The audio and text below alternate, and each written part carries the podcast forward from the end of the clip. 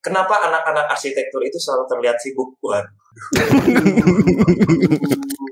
uh, prodi kehimpunan itu juga tadi ya uh, selalu mendukung walaupun uh, caranya kadang itu ntar kalau misalnya di pekerjaan arsitektur juga bakal akan akan seperti ini jadi kayak gue juga dapat jadi emang apa ya gue aja uh, pribadi masih belajar banyak banget gimana caranya bagi waktu dan menurut gue itu nggak akan ada habisnya nggak uh, akan ada apa ya di arsitektur tuh ya ya kayak gimana ya gue ngerasanya kayak gue nyaman banget gitu loh jujur kalau misal gue boleh sharing waktu zaman SMP sampai SMA gue tuh tergolong anak yang apa sih kira-kira harapan kalian untuk mahasiswa arsitektur nih yang mau mencalonkan diri jadi pengurus PM di uh, periode mendatang? Kalau dari gue jangan jangan lupa untuk uh, selalu Smartpot will starting, let's bring it on. Oke, kita kembali lagi di Smapot Senat Mahasiswa Podcast official Senat Mahasiswa Universitas Katolik Parahyangan Bandung. Masih bersama gue Efrem dari Komisi 3 Senat Mahasiswa periode 2021. Nah, nah, nah, dalam kesempatan yang kali ini, gue mau ngobrol-ngobrol sama perwakilan dari mahasiswa dari prodi yang konon terkenal dengan kelihayannya dalam menggambar. Ya, kelincahannya dalam menggores-gores kertas dengan pensil. Apakah mereka seniman? Kita tidak tahu, tapi bisa jadi mungkin ada jiwa-jiwa seniman dalam diri mereka. Untuk lebih jelasnya, mungkin langsung aja kalian tanya-tanya orangnya. Langsung aja gue panggilkan tamu Smapot dalam episode kali ini. Sudah hadir bersama dengan kita Ketua Himpunan Mahasiswa Program Studi Arsitektur Unpar periode 2021, Alexander Christian. Halo, selamat sore Aceh. Oke, sore Bang. Uh, yes. Sore semuanya ya. Perkenalkan ya, saya Alexander Christian selaku Ketua Himpunan Mahasiswa Program Studi Arsitektur Unpar untuk tahun 2021. Oke. Apa kabar, Cek? Sehat? Alhamdulillah, sehat. Mantap. Lagi sibuk apa nih sekarang? Sibuk uh, biasalah, proker-proker, akademik juga, ya macam-macam lah. Oke ya, kebanyakan urusan himpunan ya. Sekarang mungkin udah menjelang akhir periode ada sudah mulai perekrutan-perekrutan nih. Iya betul, udah mau pergantian ya bentar lagi uh, uh, anak uh, 2020 kalau di arsitektur. Oke oke oke. Nah Aceh tidak akan sendiri tentunya, karena gue juga sudah mengundang tamu dari prodi ini juga yang mana beliau sangat berjasa dalam menjadi pengembang desain-desain podcast ini. Siapa lagi kalau bukan Senat Mahasiswa Perwakilan Prodi Arsitektur periode 2021 Muhammad Farhan. Selamat sore Farhan. Uh, sore Bang. Sore sore semuanya. Halo. yes, Perkenalin gue sehat sehat sehat. Sehat alhamdulillah sehat. Mantap. Nih lagi di mana Ki? Lagi di rumah. BTW iya. Biasanya Farhan ini kalau lagi pertemuan dia lagi di jalan atau lagi di kafe ngerjain tugas-tugas arsitektur ya. Begitulah. Seperti biasa. Seperti biasanya mantap. Iya. Oke uh, teman-teman pertama-tama uh, eh, gue mau nanya dulu nih perasaan kalian terpilih menjadi pengurus Persatuan Mahasiswa tahun ini untuk menjadi kahim, menjadi senat dari periode uh, 2021 prodi arsitektur ini gimana nih? Menurut perasaan kalian secara pribadi dari Aceh dulu mungkin. Oke dari gue ya. Happy happy uh, bisa uh, jadi pengurus PM buat tahun ini ya. Um, tapi tentu aja ya ada ada suka dukanya juga ada momen-momen di mana um, lagi di bawah momen-momen uh, susahnya itu juga uh, sering lah beberapa kali jadi uh, tapi overall hal-hal uh, itu sih uh, membuat tetap membuat uh, semangat terus sih ke depannya untuk ngelihat uh, apa ya bukan bukan menjadi hal yang uh, terus membuat down tapi uh, berusaha berkembang lagi buat lebih baik lagi ke depannya gitu. Kalau Kiki Farhan gimana? Oke oke, kalau pribadi sih gue sebenarnya sama kayak Aceh seneng eh, deg-degan juga iya gitu loh. Kadang juga ada momen-momen di mana eh karena kan baru kali ini ya maksudnya kayak eh, gue mungkin bukan ada di HMPSR tapi gue sebagai anggota SM gitu. Di mana yang notabene juga sistemnya berbeda, sistematis dalam organisasi pun berbeda gitu ya. Eh, jadi mungkin eh, perasaan gue jadi pengurus PM tahun ini tuh ya senang juga eh, deg-degan terus hap- apa ya kayak beruntung juga bisa ketemu dengan orang-orang baru dari program studi lain gitu loh. Bertukar pikiran dan melihat kinerja-kinerja atau sistem-sistem yang mereka lakuin tuh kayak gimana. Jadi ya tapi overall semuanya dibawa enjoy dan santai sih sebenarnya. Jadi ya gitulah. Nah, kalau asal rumah di mana kan? Kalau lu sendiri? kalau gue sebenarnya asal rumah eh base-nya di Bandung. Gitu. Memang. Dari lahir dan besar di Bandung lah ya. Iya bener banget dari kecil Dari kecil betul. Aceh juga dari Bandung atau? Kalau gua itu sebetulnya gua orang Palembang, Hmm, Eh, lahir di Palembang, tapi eh, sekolah besar tuh di Jakarta.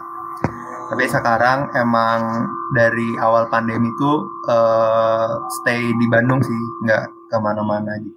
Emang di Bandung aja sama temen. Kalau di Jakarta di mana nih? Jakarta di Cengkareng dekat bandara. Oh, dekat Bandara Soekarno Hatta ya? Ya tuh dekat di sana lah. Nah, gue agak kepo sih sebenarnya mau brainstorming nih sedikit tentang prodi arsitektur ya. Nah, ini tuh prodi ini ya berkonsentrasi lebih terhadap apa kira-kira? Mungkin Farhan dulu gimana? eh gimana ya? Mungkin gini lah. Mungkin gue jelasin dulu dari arsitektur itu apa kali ya. Kalau misalkan Oke, menurut gue, pandangan gue terhadap arsitektur itu adalah kita tuh di sini belajar bukan cuman mungkin orang-orang ngebayangin arsitektur oh ya lu cuma ngegambar doang oh ya lu cuma ngedesain rumah doang tapi sebenarnya nggak nggak sesimpel itu arsitektur itu sebenarnya prodi arsitektur itu kita lebih berkonsentrasi eh, terhadap hal apa sih kita tuh konsentrasinya tuh adalah antara seni yang dikolaborasikan dengan hal teknis dan hal-hal perhitungan struktur eh, dan eh, lainnya gitu loh jadi kita tuh mendesain suatu bangunan gitu loh. Kita tuh su- uh, mendesain suatu seni gitu loh yang bisa ditinggali dan bisa mewadahi kegiatan uh, aktivitas dari manusia yang mem- uh, yang memperlihatkan atau mempertimbangkan aspek-aspek kayak sosial, lingkungan alam, ekonomi dan semuanya gitu. Jadi arsitektur tuh seperti itu gitu. Kalau Aceh gimana Aceh? Oke, bener banget yang dibilang Kiki ya. Jadi emang eh, sebetulnya ada banyak macam apa ya arsitektur sendiri tuh kayak kalau misalnya dibandingin sama kampus-kampus lain tuh ada mungkin kampus yang emang fokus di seninya doang, nggak nggak memper nggak mempertajam teknis-teknisnya gitu. Nah kalau Unpar sendiri nih emang eh, karena dia masuk fakultas teknik, jadi emang perhatian ke detail-detail tuh lumayan tinggi. Jadi betul banget yang dibilang sama Farhan dan eh, sebetulnya eh, mau nambahin lagi sih di prodi arsitekturnya sendiri tuh eh, kita tuh eh, apa ya kalau gue bisa bilang tuh masa-masa berkembang masa-masa di tempat tuh betul-betul eh, difokusin tuh di eh, arsitektur eh, terutama di himpunannya juga sih.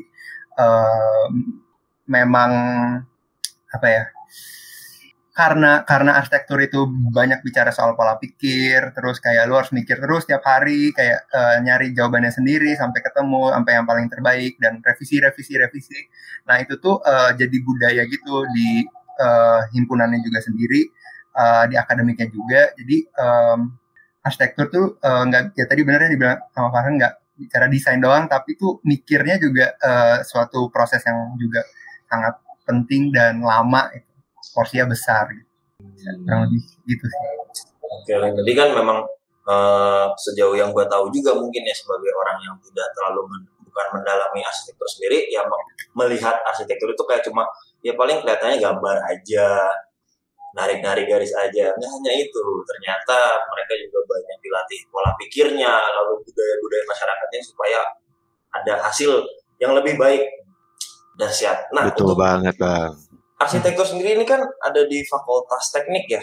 Nah, apa sih kira-kira yang jadi ciri khas arsi sendiri kalau di uh, mungkin lihat atau dibandingkan dengan prodi-prodi yang lain? Nah mungkin Aceh bisa Cek jawab sebagai KHW. Eh, gimana cek? Ah, ciri khas dari arsi sendiri ya Hmm. kalau dilihat dari konteks unpar eh, emang kelihatan arsi itu eh, ya sih bener kayak maksudnya uh, salah satu fakultas seni yang salah satu dalam tanda kutip seni sendiri gitu. Jadi mungkin menurut gue itu juga salah satu ciri khas dari RC di konteks Unpar ya. Tapi kalau misalnya ciri khas dari RC secara RC Unpar secara keseluruhan di luar-luar uh, uh, Unpar tuh menurut gua RC Unpar kayak punya budaya yang lumayan lumayan intens dalam pembentukannya gitu. Kayak lu uh, satu tahun bener-bener di tempat nggak setahun sih sebetulnya uh, sampai lulus pun uh, selalu selalu fokusnya tuh uh, proses pengembangan dirinya. Jadi uh, ya menurut gue bisa bilang gue bisa bilang kayak uh, itu juga jadi ciri khas buat kita sendiri gitu. Jadi tambahin. Boleh boleh. Oh. Mungkin gue tambahin juga ya. Uh, bener sih sebenarnya overall yang kata Aceh itu bener banget. Kalau misalkan di Fakultas Teknik uh, Arsitektur uh, dalam konteks Unpar itu tadi yang udah Aceh jelasin itu bener banget dan kita juga sebenarnya memang uh, apa ya mungkin pembeda-pembeda lain dari prodi yang lainnya mungkin kita tuh kultur atau budaya yang udah ada di kita dari dulu tuh itu sangat kuat banget. Jadi memang kita tuh selalu memprioritaskan uh, yang paling penting itu adalah kekeluargaan basisnya. Kalau misalnya itu dalam himpunan atau itu dalam organisasi apa pun itu kita selalu profesional itu nomor dua. Yang penting kita kekeluargaan dulu karena kita pengen uh, anak-anak arsitektur itu gimana caranya semua tuh saling berkolaborasi, semua saling akrab, semua saling kenal gitu loh. Alhasil biar bisa kita mencapai satu tujuan yang sama demi kebaikan arsitektur Unpar sendiri. Nah, kalau misalkan arsitektur secara konteks universitas berarti antara Unpar dan uh, universitas lain lainnya, sebenarnya kalau misalnya gue tahu arsitektur Unpar itu uh, sebenarnya ini bounce back ke pertanyaan pertama. Jadi arsitektur Unpar itu yang ngebedain itu adalah kita itu terkenal sama apa ya maksudnya uh, kalau kalau misalkan uh, teman-teman gue bilang dari arsitektur pro, uh, universitas lain kayak misalnya ITB atau atau uh, 11 Maret dan lain-lain mereka bilang kalau arsitektur Unpar itu anak-anaknya ya uh, pertama katanya cukup kritis terus katanya uh, susah masuk susah keluar susah dapat nilai bagus dan lain-lain gitu loh. Dan apa ya yang perbedanya juga kita tuh yang uh, balik dari ke awal kalau misalkan kita emang nggak ngebahas tentang seninya doang atau nggak bahas atau nggak fokus terkait teknisnya doang tapi kita bener-bener dua-duanya harus bisa dipertanggungjawabin gitu dua-duanya menjadi fokus utama kita gitu hmm, oke okay. berarti mungkin bisa gue bilang kalau standar di arsi unpar itu tinggi ya karena uh, menginginkan kualitas mahasiswa-mahasiswa yang jauh mungkin lebih baik dari uh, yang lainnya begitu. Kayaknya bisa dibilang gitu sih, gitu. Ini jangan main-main nih. Anda, anda para pendengar ini Arsi Unpar tidak ada lawannya, mohon maaf ya. tidak ada yang lain Arsi Unpar pokoknya. Nah, menurut teman-teman nih, gimana sih iklim relasi yang ada dalam prodi arsitektur Unpar sendiri? Baik, baik mungkin hubungan atau relasi mahasiswa dengan dosen, dengan pekarya, uh, dengan TU atau antar mahasiswa sendiri misalkan dengan angkatan dengan kakak kelas adik kelas begitu. Gimana mungkin? Aceh mungkin boleh duluan? Duluan ya? Oke okay, boleh. kalau relasi um, hmm, kalau antara angkatan um, sebetulnya uh, kalau gua ngelihat uh, secara uh, besarnya. Tadi udah bilang Kiki udah sampein kayak kekeluargaan dan segala macam uh, itu benar uh, kita basisnya emang kekeluargaan dan uh, mungkin uh, implementasinya kalau misalnya uh, di antar angkatan kita uh, kekeluarganya bukan yang selalu yang kayak hura-hura yang kayak hahaha gitu. Uh, kita juga ada basis kekeluargaan yang kalau misalnya emang dibutuhkan uh, keras dan profesional ya uh, kan keluarga kadang kita juga suka berantem ya.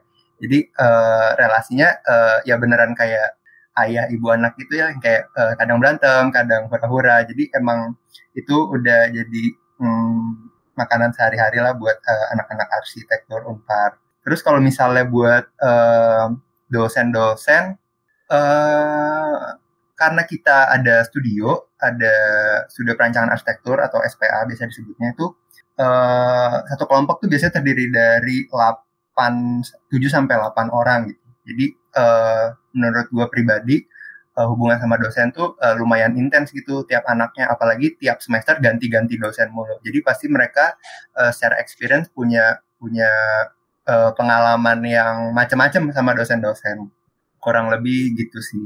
Oke, dari Farhan mungkin ada tambahan. Iya, uh, dari gue sebenarnya uh, overall sama kayak Aceh, tapi gue mau nambahin sedikit juga, mungkin terkait sama uh, dosen-dosen kali ya. Uh, selain kita dari studio perancang arsitektur atau yang disebut SPA, karena kan SPA itu setiap semester ada dari semester 1 sampai semester 7 itu ada. Uh, kita tuh kan emang selalu ganti dosen atau istilahnya asisten dosen untuk uh, kita melakukan mata kuliah itu. Nah, di luar uh, akademis dari Unpar sendiri sebenarnya kita juga masih apa ya intens juga gitu loh sama dosennya karena kenapa setiap misalkan kompetisi-kompetisi atau sayembara-sayembara arsitektur itu terkadang suka ada yang mereka bahwa uh, dari Toria sendiri dibutuhkan kalau misalkan kita harus uh, ada pembimbingnya, dosen pembimbing dan lain-lainnya. Nah, dari situ sebenarnya juga kita apa ya bisa apa ya menciptakan uh, interaksi yang lebih intens lagi gitu sama dosen dosen-dosen atau cutting-cutting juga gitu loh. Karena kita kadang suka kayak sharing sama mereka kita diskusi sama mereka menyelesaikan masalah sama mereka diskusi bareng-bareng gitu loh. Kadang nggak kenal waktu nggak kenal hari gitu.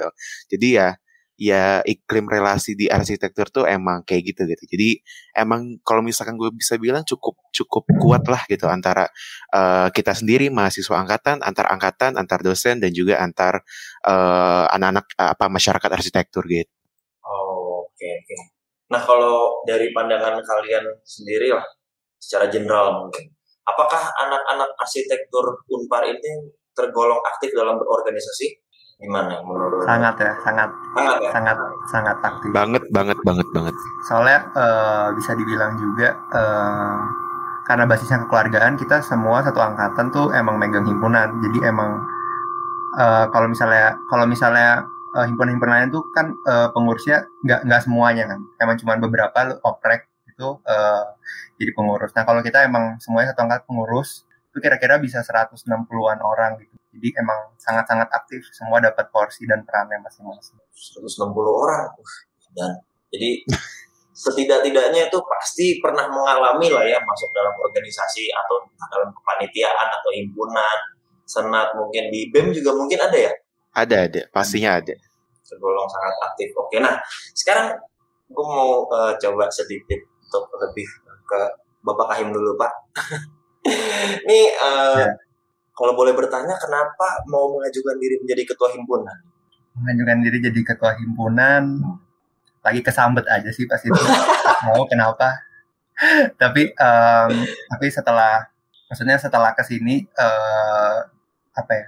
Gue nggak bisa bilang kayak uh, apa ya alasan uh, apa ya gimana ya?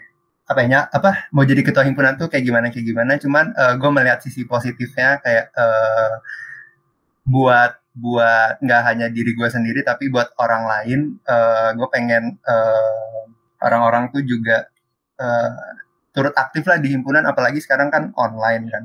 Orang-orang kayak pasti uh, awareness sama sama organisasi itu sebetulnya kalau dilihat dari offline pasti uh, jauh jauh menurun gitu. Cuman uh, ya gue pengen uh, meningkatkan awareness buat orang-orang aja sih kayak uh, berhimpun tuh tetap penting apalagi di online lu nanti nggak nggak dapat uh, eh, relasi yang gimana gimana nanti lu susah kerja dan sebagainya gitu supaya ada pengalaman lah ya mereka yang meskipun situasinya online tapi berorganisasi juga perlu gitu ya betul. Hmm. lalu apakah ada inovasi nih Cah yang lu lakukan di himpunan yang lu pimpin tahun ini nih mungkin mengembangkan atau melengkapi dari periode sebelumnya mungkin atau bagaimana kira-kira? Inovasi sebetulnya nggak ada yang gimana-gimana banget ya. Lebih ke improvement aja sama uh, ada beberapa kalau dilihat secara bentukan ada beberapa acara yang mungkin uh, dibuat lebih simplifikasi, lebih tepat sasaran, lebih uh, karena karena ini basisnya online juga, jadi pengen punya punya satu acara bareng-bareng yang emang libatin semua anak-anak 160-an itu. Jadi uh, mungkin uh, bedanya bukan beda sih kayak uh, improvementnya dari yang tahun sebelumnya mungkin uh, punya acara yang big projectnya gitulah di akhir. Oh, di akhir berarti akan dilaksanakan ya atau udah? Lagi coming soon. Ya, Mantap. Semoga sukses selalu lah ya. Amin. Mantap. Nah sekarang untuk Bapak Senat Pak, apa nih Farhan yang menggerakkan diri lu untuk mau menjadi senat mahasiswa dari prodi arsitektur? Hmm, oke oke. Eh, mungkin awalnya gue mau sharing dulu dikit kali ya kita cerita dulu Silakan. dikit prosesnya kali ya. Eh, jujur, kalau misalnya dari gue sendiri dulu tuh gue nggak nggak nggak pernah kepikiran eh, untuk menjadi anak yang maksudnya mau untuk menjadi apa ya eh, istilahnya eh, mencalonkan diri menjadi seseorang gitu. Ngerti gak sih? Kayak misalkan anggota senat, anggota BEM atau anggota BP atau sampai kayak di eh, masuk ke BPH eh, ring satunya dari himpunan. Gue pengennya jadi anggota saja dan gue pengennya eh, untuk support. Nah waktu itu sebenarnya uh, di arsitektur itu sebenarnya di angkatan 2019 arsitektur itu kita sistemnya waktu itu emang awalnya bukan mengajukan diri tapi sistemnya itu adalah uh, kita kayak kayak istilahnya apa ya kayak diskusi gitu sama angkatan satu angkatan 2019 uh, untuk uh, apa ya kayak sebenarnya kayak voting gitu yang dipercaya sama angkatan itu siapa sih sebenarnya untuk menjadi kandidat-kandidat yang berpotensi sebagai uh, kahim uh, anggota apa uh, SM dan juga BP gitu waktu itu. Nah, kemarin nih sebenarnya eh, anak-anak tuh unexpected juga nih. Gue juga sebenarnya jujur unexpected waktu ngadain voting itu di angkatan.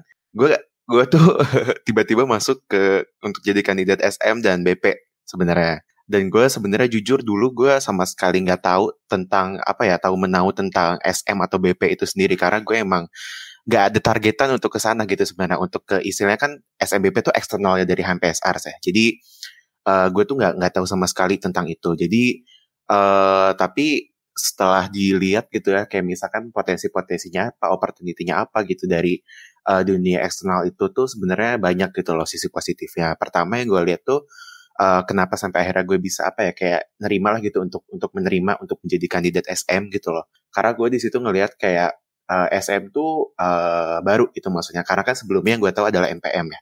Dan SM tuh baru baru lahir tuh 2018 uh, yang gue tahu. Dan dari situ gue ngelihat kayak uh, banyak opportunity nih. Gue bisa ketemu sama anak-anak dari prodi lain. Gue bisa bertukar pikiran. Kita bisa berdiskusi di situ. Dan gue juga bisa belajar istilahnya apa ya uh, sistem berorganisasi yang baru gitu loh. Karena kan mungkin dari awal gue gue kenalnya tuh atau akrabnya tuh sama sistem organisasi HMPSR himpunan arsitektur. Tapi nggak tahu atau nggak sama sekali nggak nggak kenal sama sistem uh, organisasi di luar HMPSR gitu. Jadi kayak oke okay nih kayaknya bisa gue lihat juga nih jadi udah gitu. Gue masuk ke situ karena sebenarnya tujuan buat diri sendiri juga itu buat nge-upgrade diri gue sendiri untuk untuk untuk gue lebih berkembang. Menjadi apa ya uh, better person aja gitu loh uh, dalam pengalaman-pengalaman dan lain-lainnya dan selain itu juga gue pengen juga di sini kayak uh, kayak apa ya istilahnya bisa mewakilkan anak-anak RC juga gitu di, di Arsenal salah satunya di melalui SM ini kayak gitu sih jadi kemarin kenapa mau jadi uh, anggota SM ya ya seperti itu sih sebenarnya overall gitu Oh, oke oke. Tapi sejauh ini menjadi kahim menjadi senat dari RC menikmati lah ya. enjoy enjoy aja ya Enjoy lah ya. Enjoy aja ya di bawah santai di bawah santai Nah, uh, kan secara organisasi kan uh, tadi kata lo ya, maksudnya uh, secara mendasar pun beda gitu. Uh, di mana senat dan mungkin organisasi lain itu berbeda dengan HMPSR yang mana mungkin lebih dulu lo kenal gitu Iya. dibanding dengan SM dan sebagainya. Gimana cara lo supaya bisa tetap berkoordinasi dengan baik bersama dengan himpunan prodi arsitektur? Oke, cara berkoordinasi sama himpunan sebenarnya gampang sih. Karena gini dari awal gue udah gue uh, dari awal memang apa ya dari awal masuk ars itu emang suka banget untuk nyari teman gitu loh. Dan dan alhamdulillah gitu maksudnya di arsitektur gue banyak gitu uh, maksudnya banyak kenal teman gitu loh. Jadi uh, kayak Aceh gue kenal sama Aceh deket juga gitu tahu gitu oh terus kayak sama ring satunya uh, HMPSR juga gue kenal sama sekretarisnya bendaharanya dan lain-lainnya. Jadi sebenarnya cara cara supaya bisa tetap berkoordinasi dengan baik bersama HM, uh, himpunan prodi gue itu adalah ya sebenarnya udah kebangun dari awal. Karena kita udah uh, dari apa ya setiap individu dari kita tuh udah deket. Jadi memang untuk berkoordinasi close kayak misalkan ada keluh kesah atau apa ya menangani masalah untuk cari solusi ya kayak gimana dan lain-lain tuh udah sering terjadi gitu. Karena kita sering meet juga bareng kita sering kayak uh, kayak istilahnya kayak apa ya obrol-ngobrol juga secara apa ya, informal gitu. Kayak misalnya ke kafe ketemu sambil nugas ya kita juga sekalian gitu untuk ngobrol tentang uh, HMPSR dan SM tuh kayak gimana dan lain-lain. Jadi sebenarnya overall kayak gitu aja sih cara koordinasinya. Jadi uh, apa ya kayak sebenarnya kayak di keluarga sih kayak adik kakak aja gitu. Jadi sedekat itu gitu. Jadi emang koordinasinya emang gitulah gampang kayak gitu. Oh, siap, siap. Nah, selama berkuliah di prodi arsitektur nih, hal-hal baik apa sih yang kalian dapat sampai pada detik ini nih? Kalian angkatan 2019, sekarang 2021, dan mungkin tahun depan dan selanjutnya akan skripsi dan sebagainya. Hal-hal uh, apa nih yang mungkin kalian rasakan hal-hal baik terutama? Mungkin dari Aceh dulu gimana sih? Um, hal-hal baik. Kalau misalnya dari prodi sebetulnya uh, basisnya sih prodi selalu mendukung apa pun kalau itu pun positif uh, yang dilakukan sama mahasiswa itu selalu didukung. Kalau misalnya secara uh, akademiknya sendiri menurut gua kalau berdasarkan yang studio kemarin tuh studio perencanaan sektor 4 uh, gue melihat kayak uh, apa ya tuntutan tuntutan buat anak-anak mahasiswanya uh, semakin ke sini semakin banyak dan semakin intens gitu buat mahasiswanya kayak um, dari outputnya dari segi progresnya semua segala macam tuh uh, dari apa ya dari fungsi tugasnya pun aja sekarang sudah lebih menantang gitu. Kayak kemarin SPM 4 tuh udah lebih banyak gitu fungsinya yang harus dikejar. Jadi uh, secara akademik tuh menurut gua prodi makin ke sini makin lebih berinovasi juga uh, sekarang uh, udah mulai banyak banyak pakai uh, aplikasi parametrik gitu-gitu yang futuristik. Jadi uh, lebih berinovasi menurut gua prodi kalau misalnya buat uh, prodi kehimpunan itu juga tadi ya uh, selalu mendukung walaupun uh, caranya kadang nggak sesuai ekspektasi gitu ya harus kayak uh, dimarahin dulu terus kayak apa ya ditegur-tegur dulu. Tapi uh, sebetulnya uh, tujuan akhirnya emang uh, mau yang terbaik sih buat anak-anak arsitekturnya sendiri. Begitu. Mantap. Dari Farhan gimana? Kalau dari gue hal-hal baik apa yang gue dapat dari prodi arsitektur?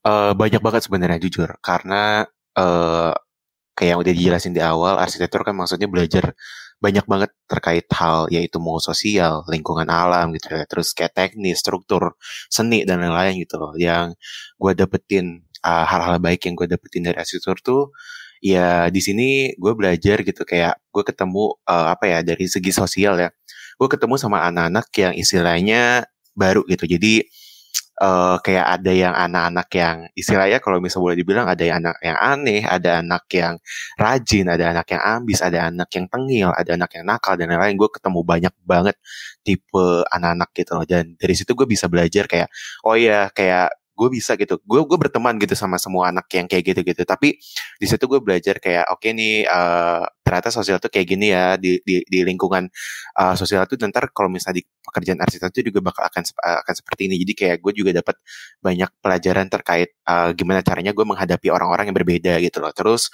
kalau misalkan dari segi akademik dari segi akademiknya tuh gue ngelihat uh, kayak udah dijelasin Aceh memang setiap semester itu kita selalu meningkat uh, terkait uh, apa ya istilahnya uh, bebannya gitu istilahnya ya kalau bisa boleh dikasar ngomong kasar tuh beban gitu jadi uh, semakin semakin tinggi semakin berat fungsinya juga semakin uh, apa ya semakin banyak gitu loh. Dan dan uh, kita juga kan karena beda-beda tiap semester dosennya jadi kita juga menghadapi uh, dosen dengan sifat yang berbeda-beda gitu. Kayak misalkan SP3 ada dosen yang ter, uh, ter apa ya cenderung lebih uh, diem gitu cenderung lebih baik. Misalkan di semester 4 itu cenderung lebih galak gitu kayak killer dan lain-lain gitu loh.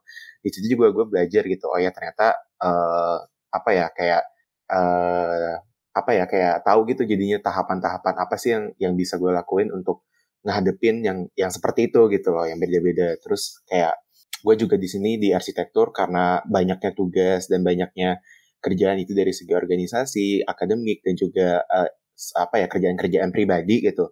Uh, kayak gue belajar cara manajemen waktu yang baik gitu loh. Kayak uh, skala prioritas sih sebenarnya. Jadi apa yang harus gue kerjakan terlebih dahulu dan apa yang terakhir harus gue kerjakan gitu-gitu sih. Jadi uh, banyak banget gitu sebenarnya. Kalau misalkan boleh sharing itu pasti bakal lama banget kayaknya ceritanya. Tapi overall ya kayak gitu sih. Jadi banyak banget sebetulnya kayak aspek-aspek yang apa ya hal-hal baik yang uh, didapetin dari prodi arsitektur kayak gitu bang Oke, nah selain daripada hal-hal baik tersebut, mungkin kalau boleh tahu ada nggak sih kendala yang pernah kalian alami atau kalian rasakan nih selama menjadi mahasiswa dari prodi arsitektur?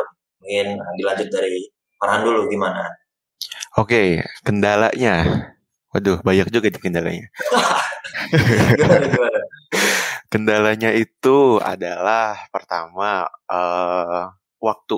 Kendalanya itu adalah waktu. Karena gini, gue kan anggota SM juga. Gue juga ada, maksudnya di sini gue punya tanggung jawab gitu loh untuk mengerjakan tugas gue secara baik gitu loh sebagai anggota SM. Terus juga ada tanggung jawab dari segi akademik tuh ya, gue juga mahasiswa arsitektur gitu.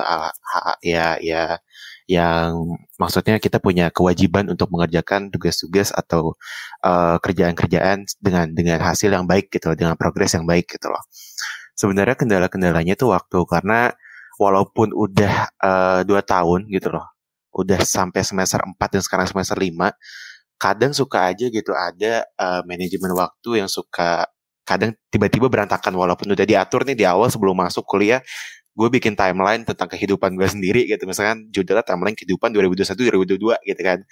Udah bikin udah distrukturin tapi tiba-tiba ada hal-hal aja unexpected datang gitu. Jadi kadang suka jadi berantakan dan jadinya hektik sendiri. Dan eh, kendala yang lainnya tuh mungkin ngelihat dari konteks sekarang ya karena karena pandemi gitu ya. Eh gue percaya gitu mungkin anak-anak eh, selain prodi arsitektur gitu misalkan anak-anak sipil anak-anak mungkin anak-anak eh, ya prodi-prodi lainnya juga ngerasa kesusahan gitu beberapa karena eh, apa ya eh, pandemi ini gitu. Karena kalau di arsitektur itu kan kita lebih lebih apa ya lebih maunya tuh kita kita tuh kan menganalisis bangunan tuh kan kita harus merasakan suasana ruangannya seperti apa melihat bangunannya secara langsung seperti apa interaksi antara human sama eh, lingkungan alam dan bangunannya seperti apa. Nah itu tuh sebenarnya sekarang susah gitu loh karena pandemi itu. Jadi eh, apa ya aksesibilitas kita untuk keluar tuh lebih lebih apa ya nggak nggak nggak bebas gitu loh karena ya pandemi itu sendiri gitu loh. Jadi untuk menganalisis dari tapak atau lahan bangunan yang bakal kita bangun itu jadi lebih sulit gitu loh karena banyak aturan keluar kayak gimana gitu loh dari keluarga dari pemerintah juga gitu kan. Terus kulap-kulap jadinya nggak jadi gitu yang harusnya kulap ke Bali yang harusnya kulap ke Jepang dan yang lain kita nggak ada semua gitu jadinya sekarang. Ya jadinya sedikit apa ya emosional aja sih kayak sedih iya marah iya kesel iya gitu loh. Tapi ya kita ambil sisi baiknya aja karena pandemi ini kan mungkin ya udah maksudnya gue percaya itu udah kehendak Tuhan gitu loh. Dan ini juga sebenarnya salah kita juga gitu sebagai manusia karena mungkin pola hidup yang kurang baik atau apa. Tapi ya kita juga bisa harus melihat sisi positifnya yang di mana kita harus ya udah kita cari opportunity atau apa ya uh, opportunity apa nih yang bisa kita pelajari dan kita ambil dari eh apa ya dari pandemi ini. Jadi kayak gitu sih kendala-kendalanya overall. Kayak gitu bang. Oke oke Ki. Nah, kalau Aceh sendiri gimana? Iya, em, sebetulnya basicnya sama sih. Eh, waktu kayak arsitektur udah tugasnya banyak, terus tuntutannya banyak, terus eh, himpunan juga tuntutannya banyak, eh, ya di mana-mana lah. Jadi emang apa ya, gue aja eh, pribadi masih belajar banyak banget gimana caranya bagi waktu. Dan menurut gue itu nggak akan ada habisnya, nggak akan ada eh, kayak lu bisa bagi waktu dengan baik tuh kayak nggak ada deh kayak lu akan terus belajar terus ke depan. Jadi eh, bisa dibilang kendala tapi bisa dibilang juga kayak eh, emang udah udah kodratnya kayak gitu. Eh, terus kalau buat yang ya sih tadi Kiki bener kayak nggak bisa kulap, nggak bisa ke mana-mana. Eh, itu yang sangat-sangat disayangkan. Pengen pengen jalan-jalan sih merasakan dan sebagainya. jangan sedih dong cek kok suaranya sedih banget ya, iya sih. Gimana ya, eh, namanya juga pandemi. Tapi dengar-dengar gedung baru yang dibangun itu untuk arsitektur ya, maksudnya ada kalian praktek juga di situ nggak sih? yang gue denger sih kayaknya bukan cuma arsitek kayak fakultas teknik kayaknya. Oh, Jadi sipil dan arsitek dan dan juga dengar dari dosen wali gue juga gue tanya waktu itu uh, ada beberapa mata kuliah umum yang dipindahin ke gedung itu juga kayak gitu. hmm, tapi eh, kalian ada kemungkinan nanti praktek langsung offline gitu Gue berharap gue berharap semoga ada semoga tahun depan kita bisa Amin. gitu. Amin amin banget gue pengen banget offline. Berarti sampai sekarang mulai dari pandemi sekitar kurang lebih setahun kemarin tuh sama sekali belum pernah lagi ke Ciumbuleuit. itu. Sama sekali belum. Berarti praktek segala macam online atau videoin sendiri terus dikirim. Iya. Google Earth, Google Earth. Udah Google ada. Earth offline Oh. semua di ah, dipakai semua. Oke oke oke. Nah sekarang nih pertanyaan ke arah pribadi lepas dari jabatan. Nah, Farhan dan Aceh, kenapa kalian mau masuk ke prodi arsitektur nih? Dan kenapa dari sekian banyak perguruan tinggi memilih Unpar? Iya, karena Unpar terbaik bro. Mitosnya sih Unpar nomor satu se Asia Unpar Tenggara. nomor, iya, Makanya tertarik. Makanya tertarik. Hmm. gitu. Aceh mungkin boleh mulai sharing duluan coba. Aceh. gimana saya? Iya, jadi ya ya itulah eh, ada mitos-mitos kayak gitu ternyata pas diulik-ulik itu eh tahun 90-an ya Ki ya. Sembilan enggak setahun iya 60-an 70-an gitu kalau nggak salah. Ya, pokoknya udah lama banget lah Udah itu. lama kalau Eh, nggak salah katanya. eh, sebetulnya eh, rumornya terus terus datang gitu ya di tiap angkatan tuh mau angkatan berapa aja tuh pasti rumornya kayak gitu. Jadi emang itu eh atau itu bagian dari branding juga deh kayaknya eh, kayak orang-orang tertarik buat masuk arsi Unpar. Eh, tapi sebetulnya eh, kampus-kampus arsi di Indonesia sekarang udah bagus-bagus juga eh, nggak kalah gitu sama Unpar. Jadi eh, emang oke dan eh, ini alumninya alumninya juga oke oke banget ya sih kayak Parah, parah. yang paling menarik tuh juga itu bagian itu Andra Martin terus ada Nanti Eh, klam. Antiklam Iya, Pak. Gregorius, Pak Bugar. banyak lah Banyak banget, banyak banget sumpah. Oke. Nah, tapi kalau eh, dari secara pribadi nih, saya kenapa milih arsitektur gitu daripada prodi-prodi yang lain? Gitu? Oke, em, nggak tahu ya dari SD tuh gue ada buku apa yearbook gitu, kayak gue baca-baca lagi cita-cita gue arsitek gitu dari dulu emang nggak nggak pernah nggak pernah ganti. Eh, selama SMP SMA tuh gue selalu ikut seminar-seminar gitu arsitektur. Kalau misalnya ada kesempatan gue pasti ikut. Eh, udah nyari-nyari tahu juga soal arsitektur yang dulu kan gue eh, dari SMA Kanisius kan. Jadi pas eh, SMP tuh sering banget ada acara kayak eh, alumni-alumni Kanisius yang eh, berpengalaman gitu. Nah, ada yang ada arsiteknya ini eh, alumni Kanisius dan gue selalu ikut dan sangat menginspirasi gitu. Jadi kayak eh, eh, menarik banget arsitektur. Dan gue juga emang dari dulu hobi-hobi gambar dan eh, hobi ngitung juga. Jadi eh, pas dites, pas dites di biasa kan UI ada datang-datang kan ke sekolah kayak ngetes eh, bakat gitu terus emang keluarnya arsitek aja gitu ya udah yakinin aja masuk arsitek Gitu. Mantap, mantap. Nah, ini mungkin ada cerita lain lagi nih, Farhan. Nah, gimana? Gini bro, gini. eh, kenapa? Pertama mungkin jelasin kenapa eh, arsitektur dulu kali ya. Kenapa mau masuk arsitektur? Kenapa ke prodi lain? Karena mungkin dari kecil sama kayak Aci dari SD, gue suka banget. Gue tuh dari kan gue bertiga tiga bersaudara ya. eh gue tuh satu-satunya anak. eh, gue anak bungsu. Gue satu-satunya anak yang yang suka dan bisa eh, ngegambar gitu di keluarga. Gue tuh dulu dari SD tuh suka banget ngegambar bangunan, gue suka ngegambar pemandangan, gue suka ngegambar orang dan lain-lain. Tapi dulu sebagai hobi doang, sampai masuk SMP kelas 3, waktu itu mau ke SMA, gue udah mulai mikirin kayak, kayaknya gue harus udah nyiapin kayak misalnya research kecil gitu untuk kayak kuliah ke mana nih, karena gue harus tahu juga, jangan tiba-tiba nanti nyesel di akhir karena, aduh salah jurusan atau apa. Nah dari situ gue kayak, di SMP kelas 3 gue mulai kayak cari-cari, awalnya gue kepikiran untuk masuk uh, FSRD ITB, desain interior. Awalnya awalnya tapi eh, setelah dipikir-pikir eh, FSRD ITB eh, atau gue belajar di desain interior tuh kan ya maksudnya itu kita lebih belajar yang gue research tuh lebih belajar terkait eh, interior ya terkait ruang dalam dari bangunan kan. Sedangkan eh, ya kalau arsitektur tuh gue tuh eh ya lihat aja gitu kayak dari baca-baca artikel, pengalaman-pengalaman di YouTube dan lain-lain gitu ya. Ngeliat orang-orang tuh sharingnya kalau misalkan kita tuh belajar terkait semua hal. Jadi dari seni suka gitu, dari ya teknik suka, struktur semuanya suka gitu loh. Dan gue juga maksudnya suka banget gitu sama seni. Tapi gue nggak maksudnya pengen juga belajar hal yang lain gitu loh. Gue juga pengen gitu kayak belajar ngitung struktur dan lain-lain lebih lebih detail gitu. Jadi itu arsitektur dan selain itu kayak apa ya di arsitektur tuh ya ya kayak maksudnya eh apa ya eh kayak gimana ya gue ngerasanya kayak gue nyaman banget gitu loh jujur. Kalau misal gue boleh sharing waktu zaman SMP sampai SMA gue tuh tergolong anak yang bodoh gitu. Gue tergolong anak yang males gue tergolong anak yang nggak mau lah gitu ngerjain tugas ulangan nyontek dan lain-lain gitu ya. Terus uh, karena gue ngerasa kayak di situ tuh di SMP sama SMA gue ngerasa kayak kok gue harus banget sih dimasukin semua ilmu gitu kayak pelajaran semuanya gue masukin tapi gue tuh nggak suka semuanya gitu loh. Makanya itu kenapa gue karena gue tipe orangnya yang kalau misal gue udah ada di zona nyaman sih ya zona nyaman.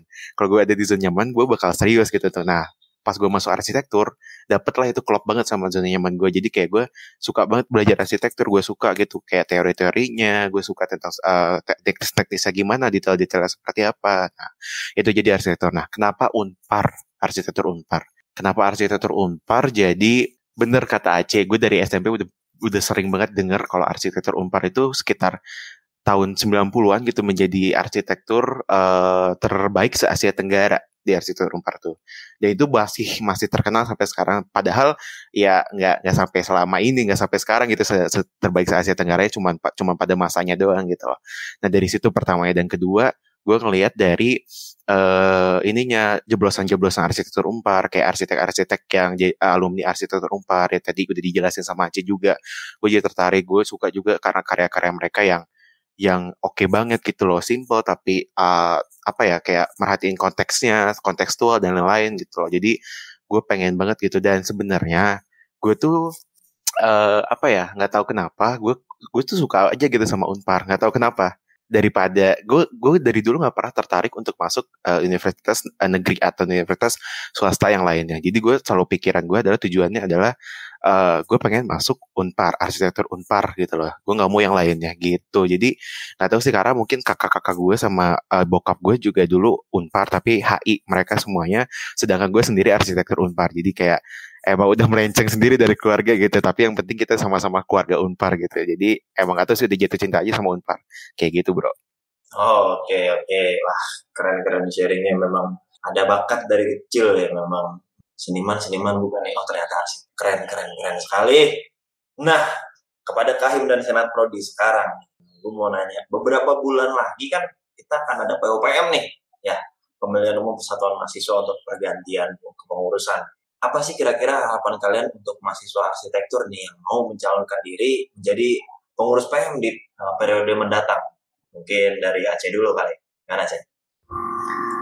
Um, kalau dari gua buat pengurus PM ya prinsipnya harus lebih baik lagi dari yang sekarang uh, harus ditingkatkan um, tapi uh, jangan jangan lupa untuk uh, selalu buat target-target uh, dan materi-materi yang emang uh, sesuai dengan kondisi dan konteks dari uh, masa uh, nanti uh, anak 2020 uh, menjabat gitu. Kan pasti nanti ada perubahan-perubahan mungkin mungkin offline dan sebagainya. Jadi uh, semuanya harus dipersiapin uh, secara matang antisipatif terhadap segala situasi dan uh, bisa keep atraktif buat arsitektur sebagai jurusan seni dan teknik buat orang-orang. Ya gitu aja. Mantap. Dari Farhan mungkin? Uh, harapan gue buat khususnya buat ini ya SM dari prodi arsitektur. Uh, untuk pengurus selanjutnya. Mungkin yang penting uh, kalian harus benar-benar uh, apa ya bertanggung jawab sama tugas kalian. Harus benar-benar bisa menerima uh, sama konsekuensi yang akan datang nantinya dan harus bisa lebih meningkatkan lagi daripada dari kinerja gue sendiri dari SM sebelumnya juga itu harus lebih bisa ditingkatkan kembali. Dan yang penting itu pokoknya harus apa ya harus selalu bekerja dengan giat dan semangat dan pakai hati gitu. Jangan pakai emosi. Kalau pakai emosi nanti jadinya berantem mulu gitu kan.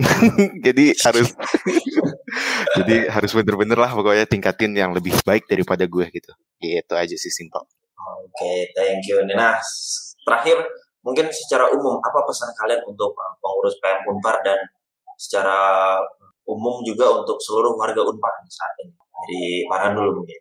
Oke, pesan buat pengurus PM Unpar sama masyarakat Unpar ya.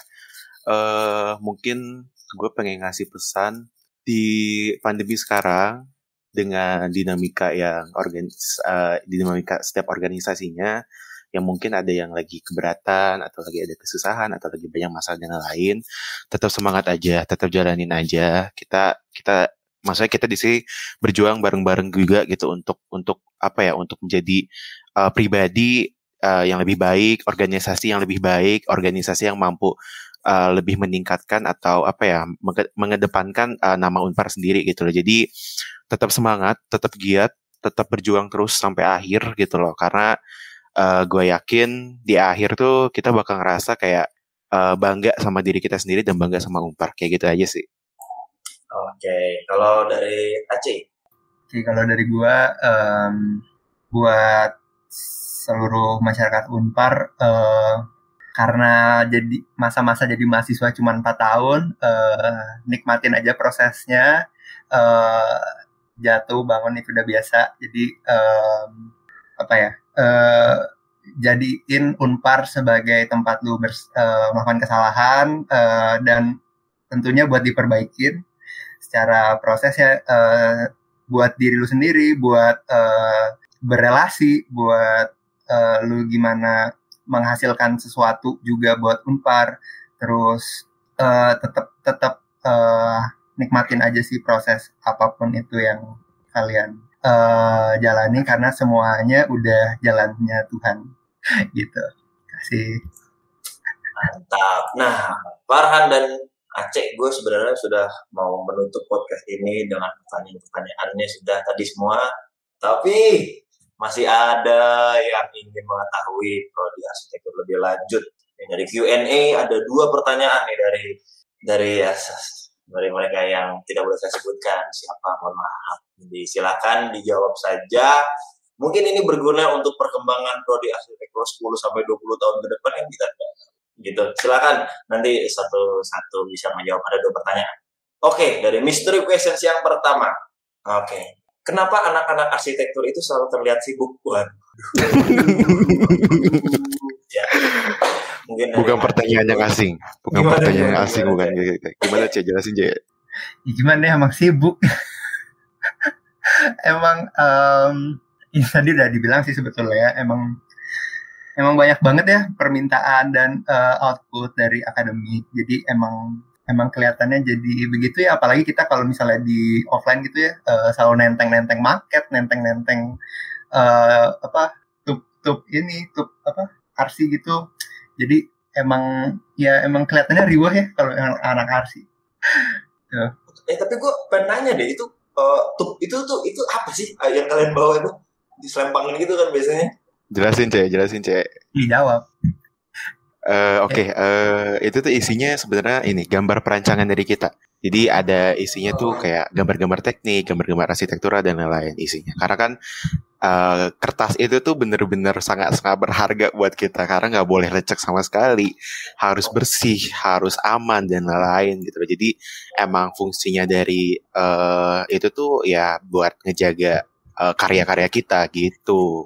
karena gue sering banget tuh di kafe atau di mana lah pasti cowok-cowok yang suka nenteng-nenteng betuk di belakangnya itu itu pasti arsi lah ya nggak mungkin dong sama tidak mungkin Nggak mungkin, bener Oke, banget. dari eh, peran sendiri mungkin ada Oke oke. Mungkin dari gue sebenarnya jujur ini bukan pertanyaan sekali dua kali. Ini pertanyaan yang udah sering banget ditanyain mau itu dari teman-teman gue, orang-orang lain dan lain-lain dan bosannya gitu ditanyain ini. Jujur sebenarnya kadang orang-orang mikir kenapa sih anak-anak arsi kelihatannya sibuk banget? Atau ih sok sibuk? Ih apa enggak? Jujur demi Tuhan gue gak bohong emang emang eh, cuy berat banget cuy gitu. Kayak emang permintaan outputnya banyak banget tugasnya banyak banget. Belum kalau misalkan dosen. Kadang misalkan kita udah kasih nih soal dari koordinator dari studio perancangan arsitektur terutama outputnya yang diminta tugasnya apa aja nih selama satu semester misalkan. Terus tiba-tiba kayak misalkan asdosnya tiba-tiba kayak nambahin lagi tugasnya gitu. Kayak ini ya yang diminta ini. Jadi kayak bener-bener kadang revisi juga suka tiba tiba-tiba unexpected gitu loh. Kayak lu harus revisi ini ya lu harus revisi itu. Jadi kayak bener-bener waktu tuh kayak kembali ke awal kayak bener-bener banyak hal yang unexpected jadi terus jadinya kita tuh apa ya kayak terkekang gitu loh jadinya. Karena memang memang memang tuntutan gitu loh. Dan itu emang dari masa ke masa dari tahun ke tahun itu emang seperti itu. Dan sebenarnya kalau misalnya gue boleh sharing juga sebenarnya tuh eh yang angkatan istilahnya angkatan 2000-an itu itu kita bukan termasuk angkatan yang istilahnya berat-berat banget. Karena kalau misalnya kita lihat dulu dulu tuh kalau nggak salah gue tuh pernah dengar dari cerita-cerita alumni juga kalau mereka tuh sebenarnya studio tuh enam hari. Jadi dari Senin sampai Sabtu itu full. Dan mereka tuh belum ada digital bener-bener manual. Dan lain-lain lu bayangin aja kayak belum ada digital mau seberat apa hidupnya gue aja nih udah digital kayak masih nggak tidur 2 sampai tiga hari gitu loh bener-bener nggak tidur gitu loh. Jadi memang sebenarnya ini tuh sudah ringan tapi memang masih berat. Jadi kayak gue nggak ngerti juga gitu. Karena buat ngejelasin mungkin orang percaya nggak percaya kali ya karena buat ngejelasin juga panjang gitu ngejelasin emang susah untuk ngejelasin. Orang ya kayak bener gak sih lu kayak gitu ya, ya gimana ya terserah lu mau percaya apa enggak tapi emang keadaannya seperti ini kayak gitu sih Oke, jadi memang bukan so sibuk kan? Emang bukan so sibuk banyak- emang banyak beneran banget. sibuk banyak banget Oke oke. Nah, pertanyaan yang terakhir, kenapa cowok-cowok di prodi arsitektur banyak yang gondrong? Wah, ini sebenarnya saya juga kepo nih. Di mungkin juga kalau mohon maaf ya menyebut univ-univ lain gitu, pastilah anak-anak entah teknik entah arsitektur yang nenteng-nenteng map itu kan, itu pasti rambutnya kuncir, mau cowok mau cewek pasti panjang. Nih, kenapa? Kenapa identik sekali dengan arsitektur nih rambut panjang? Eh, gue jawab dulu ya Boleh. Oke, kenapa? Kalau gue kemarin kenapa gondrong adalah eh nggak ada pertama nggak ada waktu buat cukur ya itu karena eh jadi ya gondrong aja gitu. Kedua ya namanya juga yang gue lihat sih kayaknya anak-anak teknik setiap maba gitu ya kayak misal mahasiswa baru karena mungkin bebas nggak ada aturan terkait rambut jadi mungkin anak-anak kayak udah gitu kayak bebas aja rambut gue mau panjang kayak mau kribo kayak mau diapain kayak gue bebas gitu karena nggak ada aturan gitu tentang kerapian atau apa jadi kayak ya udah deh gue pengen cobain dulu gimana sih punya ra- rambut panjang gitu kan kayak oh ternyata nggak enak bro ternyata kan kayak ribet panas gitu rontok dan yang lain gitu lah kayak kalau dari gue sih gitu kalau dari Aceh gimana Cek? Aceh nggak pernah ya Nah, rambut iya. panjang ya Iya, kalau gue emang pribadi eh, nggak suka rambut panjangnya tadi ya gerah, Hmm. panas, terus gatel aja gitu. Gue eh, panjang dikit potong, panjang dikit potong. Jadi nggak agak nggak relevan, relevan sih sebenarnya sama gue. Cuman kalau gue lihat eh, secara keseluruhan tuh anak-anak ya anak-anak seni kan identik sama gondrong-gondrong tuh sebenarnya ya itu tadi sih kayak bilang kayak mager potong atau juga eh, bisa dibilang kayak momen-momen lu buat jadi keren gitu kayak SMA kan lu nggak bener eh, banget ada- bener banget Iya, momen-momen SMA kan lu pasti kayak dibatas-batasin kan kayak sama apa bidang kewasiswaannya kayak nggak boleh eh, rambut panjang. Mungkin lagi emang masanya aja sih eh, bereksplorasi. gitu. Hmm, bisa-bisa sih. Iya, tapi berarti bukan berarti yang gondrong itu pasti anak arsi, bukan berarti gitu ya. Bisa juga dari anak Bukan. lain gitu kan. bisa Ya. semuanya Hmm, jadi kalau misalkan ada anak arsi yang panjang itu mungkin juga pas pengen potong, aduh tugas. Jadinya nggak sempat potong ya. Jadi karena tadi nih sibuk, tidak sempat cukur. Jadinya panjang. Ada waktu panjang. Oke. banget. Terima kasih eh, Farhan dan Aceh atas misteri question yang sudah dijawab. Oke, para pendengar Smapot, jadi kira-kira itulah beberapa hal yang bisa kita eh, ketahui, bisa kita dapat dari prodi arsitektur Unpar nih, terlebih dari mereka yang menjadi perwakilan pengurus persatuan mahasiswa dalam periode ini. Alexander Christian Aceh sebagai kahim, dia mau membuat himpunannya sebagai sebuah wadah yang tentunya meskipun sedang dalam masa pandemi, masa online, bagaimana caranya supaya anak-anak arsitektur ini bisa tetap ikut eh, aktif dalam kepengurusan, dalam himpunan, sehingga bisa menghasilkan cetakan-cetakan atau lulusan-lulusan eh, arsitektur Unpar yang jauh lebih baik ke depannya. Dan juga Farhan sebagai senat dari prodi arsitektur ini juga eh, menekankan perlunya em, bimbingan waktu, pembinaan eh, dan dari dijelaskan juga bahwa arsitektur itu nggak sekedar cuma gambar aja, cuma buat orang-orang seni aja enggak, tapi juga ada pembinaan pengolahan hidup di situ. Jadi eh, bagaimana pembinaan kekeluargaannya juga dari dinamika-dinamika yang dijalankan sehingga lulusan-lulusannya juga menghasilkan eh, suatu hal yang lebih baik ke depannya. Oke, Aceh dan Farhan sekali lagi gua atas eh, nama Senat Mahasiswa 2021 terkhusus Komisi 3 mau mengucapkan terima kasih banyak atas waktu yang disempatkan. Semoga terima kasih yang terima kasih diharapkan bersama ini bisa semakin menyemangati kita ya dalam menjadi pengurus kesatuan mahasiswa di periode ini. Terima kasih banyak. terima kasih banyak Makasih, juga bang Bang. Efrem makasih juga semuanya yang ngedengerin terima kasih banget semua juga. Alright, the podcast is ending. Let's take it off.